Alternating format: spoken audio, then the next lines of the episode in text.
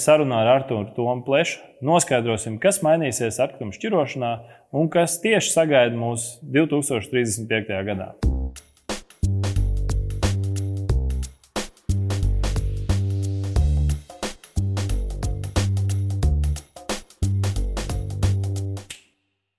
Arthurs Toms Plešs, pirmais Latvijas ministrs, kas ir dzimis atjaunotās Latvijas vēsturē.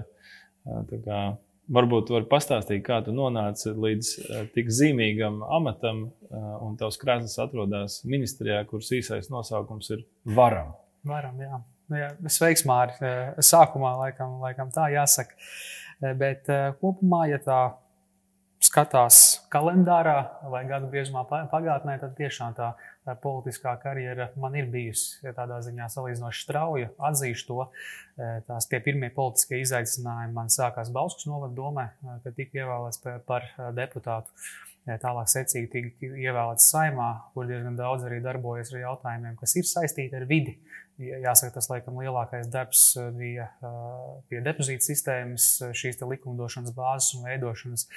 Arī vidas un klimata apakškomisiju vadīju, un tagad tas ar, esmu nonācis ministra amatā, kur, protams, tā atbildība ir nesalīdzinām lielāka. Un jāsaka, ka esmu gan, gan gandarīts, gan arī diezgan izaicinājumi lieli. Jo raugoties nākotnē uz priekšu, arī patiesībā, ja raugāmies šo vasaru, ir nu, karstākā vasara, vasara Latvijas vēsturē. Arī iepriekšējais gads jau arī sita rekordus, un, un tas tādā ziņā skaidri apliecina, ka pasaule mainās, klimats mainās, un tie izaicinājumi mums ir lieli. Un, un arī mūsu ministrijas loma šeit ir ļoti centrāla. To, kādā veidā mēs veidojam politiku, padarām nu, mūsu saimniekošanas metodes un kopumā mūsu darbību dabai draudzīgāku, lai mēs virzītos uz klimata neitrālu Latviju 2050. gadā. Kā tev šķiet, bieži vien sabiedrībā runājot, mēs dzirdam, Eiropa mums liek, un mēs tāpat laikā aizmirstam, ka faktiski arī Latvija ir Eiropas sastāvdaļa. Arī Eiropā sēž Latvijas deputāti, kas tomēr ir tie cilvēki, kas piedalās šīs vidas politikas veidošanā. Kā tev šķiet pašam, vai mēs Latvijā uztveram šo vidas politiku kā mums, latviešiem, saistošu, vai tomēr kaut ko, kas nāk no Eiropas? Es pirms neilga laika izlasīju Valentīnas Freimanas grāmatu ar Dievu Atlantīdu, kur viņa arī ļoti interesanti apraksta to, kādā veidā, kāda bija Latvijas loma, dažādas nu, Latvijas arī sabiedrības grupas pirmskara Latvijā un, protams, arī okupācijas laikā. Un, man bija tāds liels izbrīns, tas, cik Latvija senāk bija savienota ar Eiropu. Līdz Berlīnai varēja aizbraukt ar vilcienu 24 stundās, un līdz Parīzei nu, vēl bija vēl bišķiņ tālāk. Mēs tiešām bijām kāda nozīmīga daļa no Eiropas, un arī šobrīd mēs esam. Es domāju, tā, tāda savā ziņā pārkārtošanās varbūt nedaudz vairāk ir nepieciešama mūsu prātos. Bet es teiktu, ka arī pēdējos gados mēs aizvien vairāk apzināmies eh, šo mūsu centrālo lomu, eh, un mēs arī novērtējam tās mūsu izejas pozīcijas tajā, cik zaļi mēs esam. Bet skaidrs, ka mēs uz lauriem sēdēt eh, nevaram. Ja, un domāt, ka ja mēs esam tagad zaļi, mēs būsim zaļi arī pēc desmit gadiem. Nu, tas, tas tā, tā tas nenotiek. Tā kā es domāju, ka mums, mēs esam pierādījuši jau pēdējos gados, ka mēs varam būt viena no tiem, kas nosaka toni Eiropas uh, Savienības līmenī. Varbūt tas kādam šķīstīsies brīnums vai pārsteigums, bet tā tas patiesībā ir. Nu, faktiski sanāk tā, ka tu esi viens no tiem priekšpustaņiem Latvijas zaļuma saglabāšanā un šīs politikas veidošanā Latvijā. Ja mēs paskatāmies uz visu, kas ir izdarīts uh, faktiski šo nedaudz vairāk kā sešu mēnešu laikā, kopš tas ministrs, kopš decembra, kā tev šķiet, vai mēs varam izdarīt vairāk, vai mēs esam izdarījuši to, ko varējām, gribējām, un arī nedaudz atskatoties varbūt nesenākā vēsturē, vai tas, ko mēs kā Latvija esam darījuši, vai tas ir pietiekami, vai mums tomēr ir jādara vairāk, lai mūsu bērniem būtu iespēja baudīt zaļus mežus, tīras upes un ezerus un dabu kopumā. Es teiktu, ka mēs nu, šajos nedaudz vairāk kā sešos mēnešos, kopš esmu amatā, esam izdarījuši salīdzinoši daudz. Es teiktu, esam apstiprinājuši atkrituma apsaimniekošanas valsts plānu nākamajai.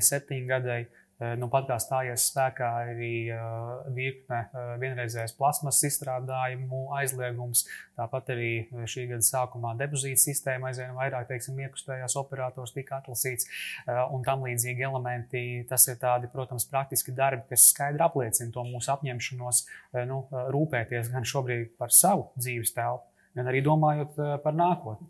Jo, nu, paraugoties arī tepat, kas notiek Rietumē, Eiropā šobrīd, Vācijā, plūdi, nu, kas liekas, tas liekas, ir kaut kas, likās kaut kas tāds, kas Amerikā mēs redzam, vētras, plūdi vai Indijā. Ja? Jā. Bet tas ir mums jāsaprot, ka tas ir šeit un tagad. Un, nu, diemžēl, bet ar laiku tas nonāks arī, arī pie mums vienā vai citā izpratnē. Meža ugunsgrēki tepat arī Latvijā Garkalnē. notiek. Ja? Nu, Garkalnē, Siguldā. Tā kā mums ir jārēķinās, un es ceru, ka tas arī atvērs acis nu, gan arī plašākai sabiedrības daļai. Lai gan jāsaka, ka sabiedrība kopumā nu, varam redzēt, ir aizvien teiksim, zaļāk noskaņot un grib saglabāt šo dzīves telpu un, eh, un dzīvot jā, zaļai, zaļā vidē, un tādu, kas ir kvalitīva dzīves telpa. Pieminēt divus uh, sarežģītus nosaukumu dokumentus, jā, uh, gan par vienreizējo plasmas, gan jaunu atkritumu apsaimniekošanas plānu. Uh, varbūt pamēģināsim tikt skaidrībā tādos vienkāršos vārdos priekš uzņēmējiem un priekš sabiedrības. Kas, teiksim, tavuprāt, mainīsies sabiedrībai šo izmaiņu kontekstā un ar ko būtu jārēķinās uzņēmējiem tuvāko 2, 3 vai 5 gadu laikā? Mm. Nu, pirmkārt, ja par sabiedrību runājam, tad mēs kopumā gan ar šo atkritumu apsaimniekošanas plānu, gan aizliedzot virkne vienreizējos plasmas izstrādājumus, mēs kopumā padarīsim vidi daudz tīrāku un tādu, kur resursus lieto daudz atbildīgāk. Jo, piemēram, ar šo vienreizējās plasmasas aizliegumu mēs ik gadu samazināsim šo plasmas izstrādājumu nonākšanu poligonos par aptuveni 40 tonnām, kas šķiet it kā maz uz Jā. kopējā fona. Taču jāsaprot arī tas, ka gan plasmas, gan citi atkrituma veidi nonāk dabā, nonāk garās pārtikas eh, ķēde, barības ķēdēs, un tas beig beigās nonāk arī mūsu organismā. Līdz ar to šī tā viena sadaļa, kur ir skaidra sabiedrības.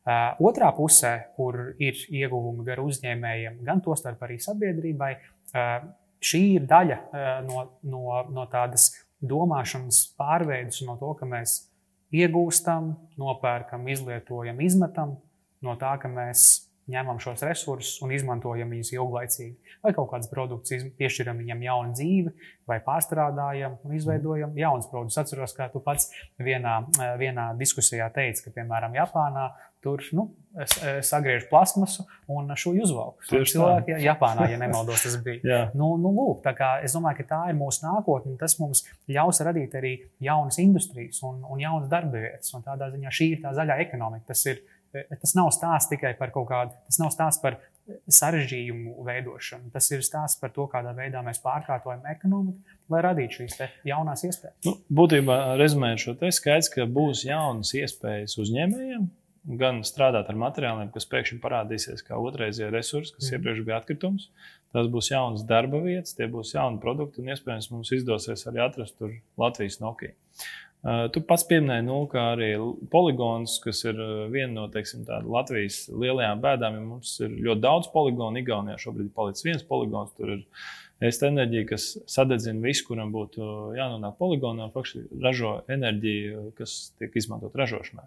Kā tev pašam liekas, cik tālu Latvija šobrīd ir no enerģijas ražošanas, kur šajā procesā tiek izmantot atkritumi, lai tomēr samazinātu tos atkritumu kalnus, kas pie lielajām pilsētām šobrīd mm. veidojas?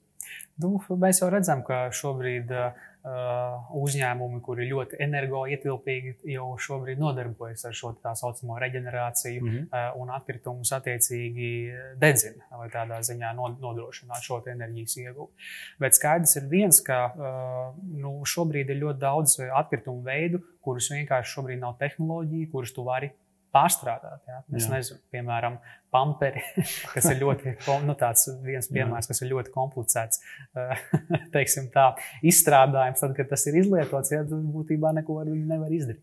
Skaidrs, ka nākotnē e, e, tehnoloģijām ir attīstoties, e, ejot uz priekšu, aizvien vairāk parādīsies iespējas, aizvien sarežģītākus materiālus pārstrādāt, bet šeit ir tāda nu, divējāda atbilde. Skaidrs, ka viena daļa, ko mēs pārstrādāt nevarēsim, un noteikti būs jāskatās tajā, kādā veidā mēs varam nu, liederīgi izmantot eh, šo enerģiju un to iegūt. Savukārt, otrā pusē eh, ir skaidrs arī ar, ar mūsu ministrijas iniciatīvām. Mēs eh, mudināsim uzņēmējus iet tajā virzienā, lai maksimāli izvai, izvairās no kompozītu materiāliem un tādiem mm -hmm. materiāliem, kurus vai nu ir sarežģīti, vai vienkārši nevar pārstrādāt. Mums ir būtībā mhm. jā, ar dažādiem instrumentiem jāmotivē uzņēmēji veidot tādus iepakojumus, tādu dizainu, kas ir dabai draudzīgs, viegli pārstrādājams vai kuram ir piešķirta jauna dzīve. Tad būtībā pārtulkojot to, ko tu saki, veiksmīgas politikas rezultātā Mums vajadzētu būt diviem tādiem virzieniem. Viens virziens, kur attīstās pārstrādes uzņēmumi, kas spēj pārstrādāt uh, atsevišķus materiālus, un viņi kļūst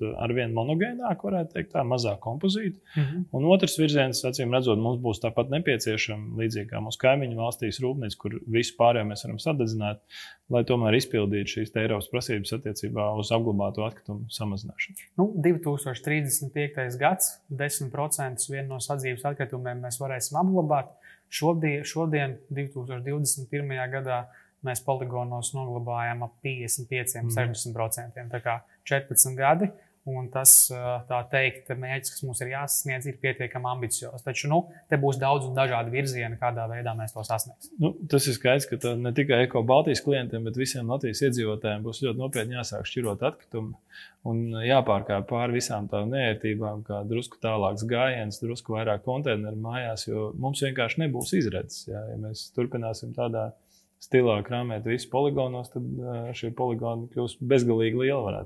Nu, mēs redzam, ka kopumā arī gadiem ejot uz priekšu, tā cilvēku atsaucība un arī izpratne to, kāpēc ir nepieciešams šķirot, pieaug. Un tā ir ļoti pozitīva tendence. Un, ja tiešām ir tāda viena problēma, cilvēkiem uzdod, kāpēc tu nešķiro?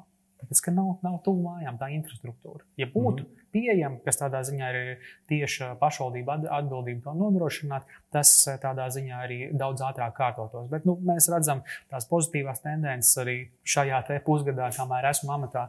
Mēs esam ļoti rūpīgu uzmanību pievērsuši tieši bioloģiski noārdāmiem atkritumiem, kuri no šī gada sākuma ir obligāti gan Rīgā, eh, gan Pierīgā, gan arī citās pašvaldībās. Un eh, tādā ziņā ar mūsu tādu aktīvu darbu nu, ir izdevies eh, teikt, piespiest vairākas pašvaldības aktīvāk par šo strādāt. Ir vēl izaicinājumi, bet Bet droši vien jāsaka tā, ka pieaugot labklājībai, arī pieaug cilvēka apziņa. Cilvēks spēja maksāt par atkritumiem. Protams, jo cilvēks vairāk spēj samaksāt par šo atkritumu pakalpojumu, jo kvalitatīvāks viņš kļūst. Jo, kā mēs saprotam, dienas beigās kādam arī ir jāsadz tās izmaksas, kas ir saistītas ar atkritumu šķirošanu, un tas ir vai nu uzņēmējs, vai nu iedzīvotājs. Tur valsts noteikti to nedarīs, pašvaldība to nedarīs kādam no visiem šajā ķēdē iesaistītiem šīs izmaksas ir jāsadz. Mana iekšējā sajūta, protams, ir, ka Latvijai tuvojoties Eiropas līmenim cenu ziņā, noteikti arī katram iedzīvotājam dienas beigās būs šis konteiners pagalmā, un, un viņš par to vienkārši spēs samaksāt, jo arī viņa ieņēmumi būs lielāki.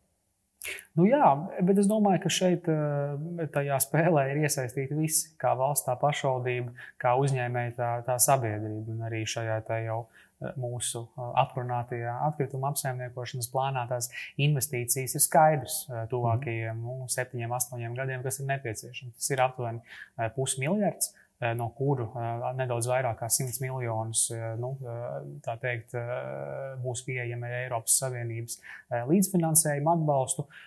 Un tas ir tāds nu, nopietns virziens, kurā strādāsim. Un šeit tādā ziņā, līdzīgi kā mēs veicām administratīvu teritoriālo reformu, tāpat mēs veicam arī šo atkritumu apsaimniekošanas reģionu reformu, ja? samazinot, konsolidējot šo skaitu, jo nu, mums ir jādomā, cik liederīgi mēs šīs investīcijas nu, īstenojam un nu, veidojam. Droši vien jāsaka tā, salīdzinot ATR ar atkritumu apsaimniekošanas reformu, man šķiet, pēc tādas ATR realizācijas atkritumu apsaimniekošanas reforma ir eh, par kārtu vieglāks projekts visticamāk. Kā tev šķiet, realizējot šo aktuālu apsaimniekošanas poligonu reformu, investējot Eiropas Savienības līdzekļus, kas būs tie uzskatāmākie iegūmi sabiedrībai, ko mēs visi varēsim uzskatām, pateikt, jā, šī politika mums ir bijusi veiksmīgi realizēta, mēs esam tagad nākamajā līmenī, jo Vis, visticamāk, visskaidrāk tas būs redzams ar kvalitatīvāku pakalpojumu pieejamību, jo šie atkrituma apsaimniekošanas reģioni būs lielāki. Tas nozīmē, to, ka šajos reģionos būs iespējams koncentrēt lielāku resursu, novirzīt gan poligonu attīstībai, gan arī atkrituma apsaimniekošanas šīs sistēmas attīstībai konkrētajā reģionā. Kas vēl svarīgi, tā kā šie reģioni kļūs stiprāki, tad arī mēs no valsts puses arī dosim nosacīti nu, lielāku varu un lielāku teikšanu šiem te reģioniem, mhm. pašiem definēt to, kādā veidā mēs uz priekšu attīstīsimies. Un tas, protams, arī ir svarīgi, jo, lai gan mēs teritoriāli esam maza valsts, tāpat no, no Latvijas uh, austrumiem un rietumiem ir savas teritoriāla specifika, kas ir jāņem vērā. Un šeit tādā ziņā tālāk nāk tieši šis reģionālais skatījums, kā mēs attīstīsimies, Tostarp kādā veidā mēs veidosim arī e, jaunas nozares šīs aprits ekonomikas mm. kontekstā, par ko jau mēs pieskārāmies, un tur ir ļoti liels iespējas.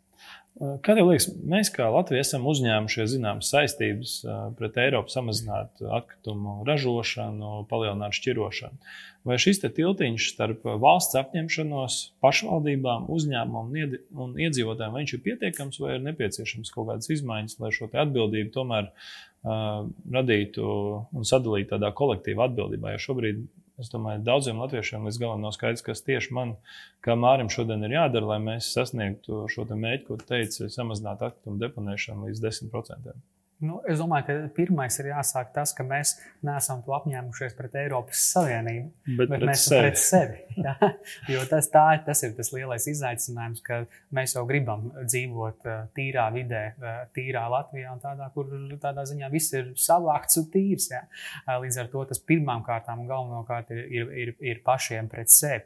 Bet es domāju, ka šie, te, teiksim, ietvers, kas ir gan plānā, gan likumdošanā, šobrīd ir, ir pietiekami eh, pietiekami sakārtos, lai ietu uz, lai ietu uz priekšu un šos mērķus sasniegt. Skaidrs, ka virkni uzlabojumu būs nepieciešami, bet to mēs laika gaitā tādā ziņā arī, arī veiksim. Skaidrs ir tas, ka mēs šobrīd esam pašā nu, tādā nu, sākumā, ja tā var teikt, mm. zaļā kursa ieviešanā. Ir, ir virkni mērķi, kas mums jās, jāsasniedz arī attiecībā, attiecībā uz siltumnīca efektu gāzu piesaisti 2030. gadā un tad secīgi arī 2050. gadā. Un, un, un līdz ar to šeit tāds komplekss darbs būs nepieciešams un tādā ziņā, bet tas arī negaidīs, jo 30. gads ir tepat. Cits starpā arī viens tāds svarīgs temats, kas pēdējā laikā tiek arvien biežāk apspriests - zaļais iepirkums.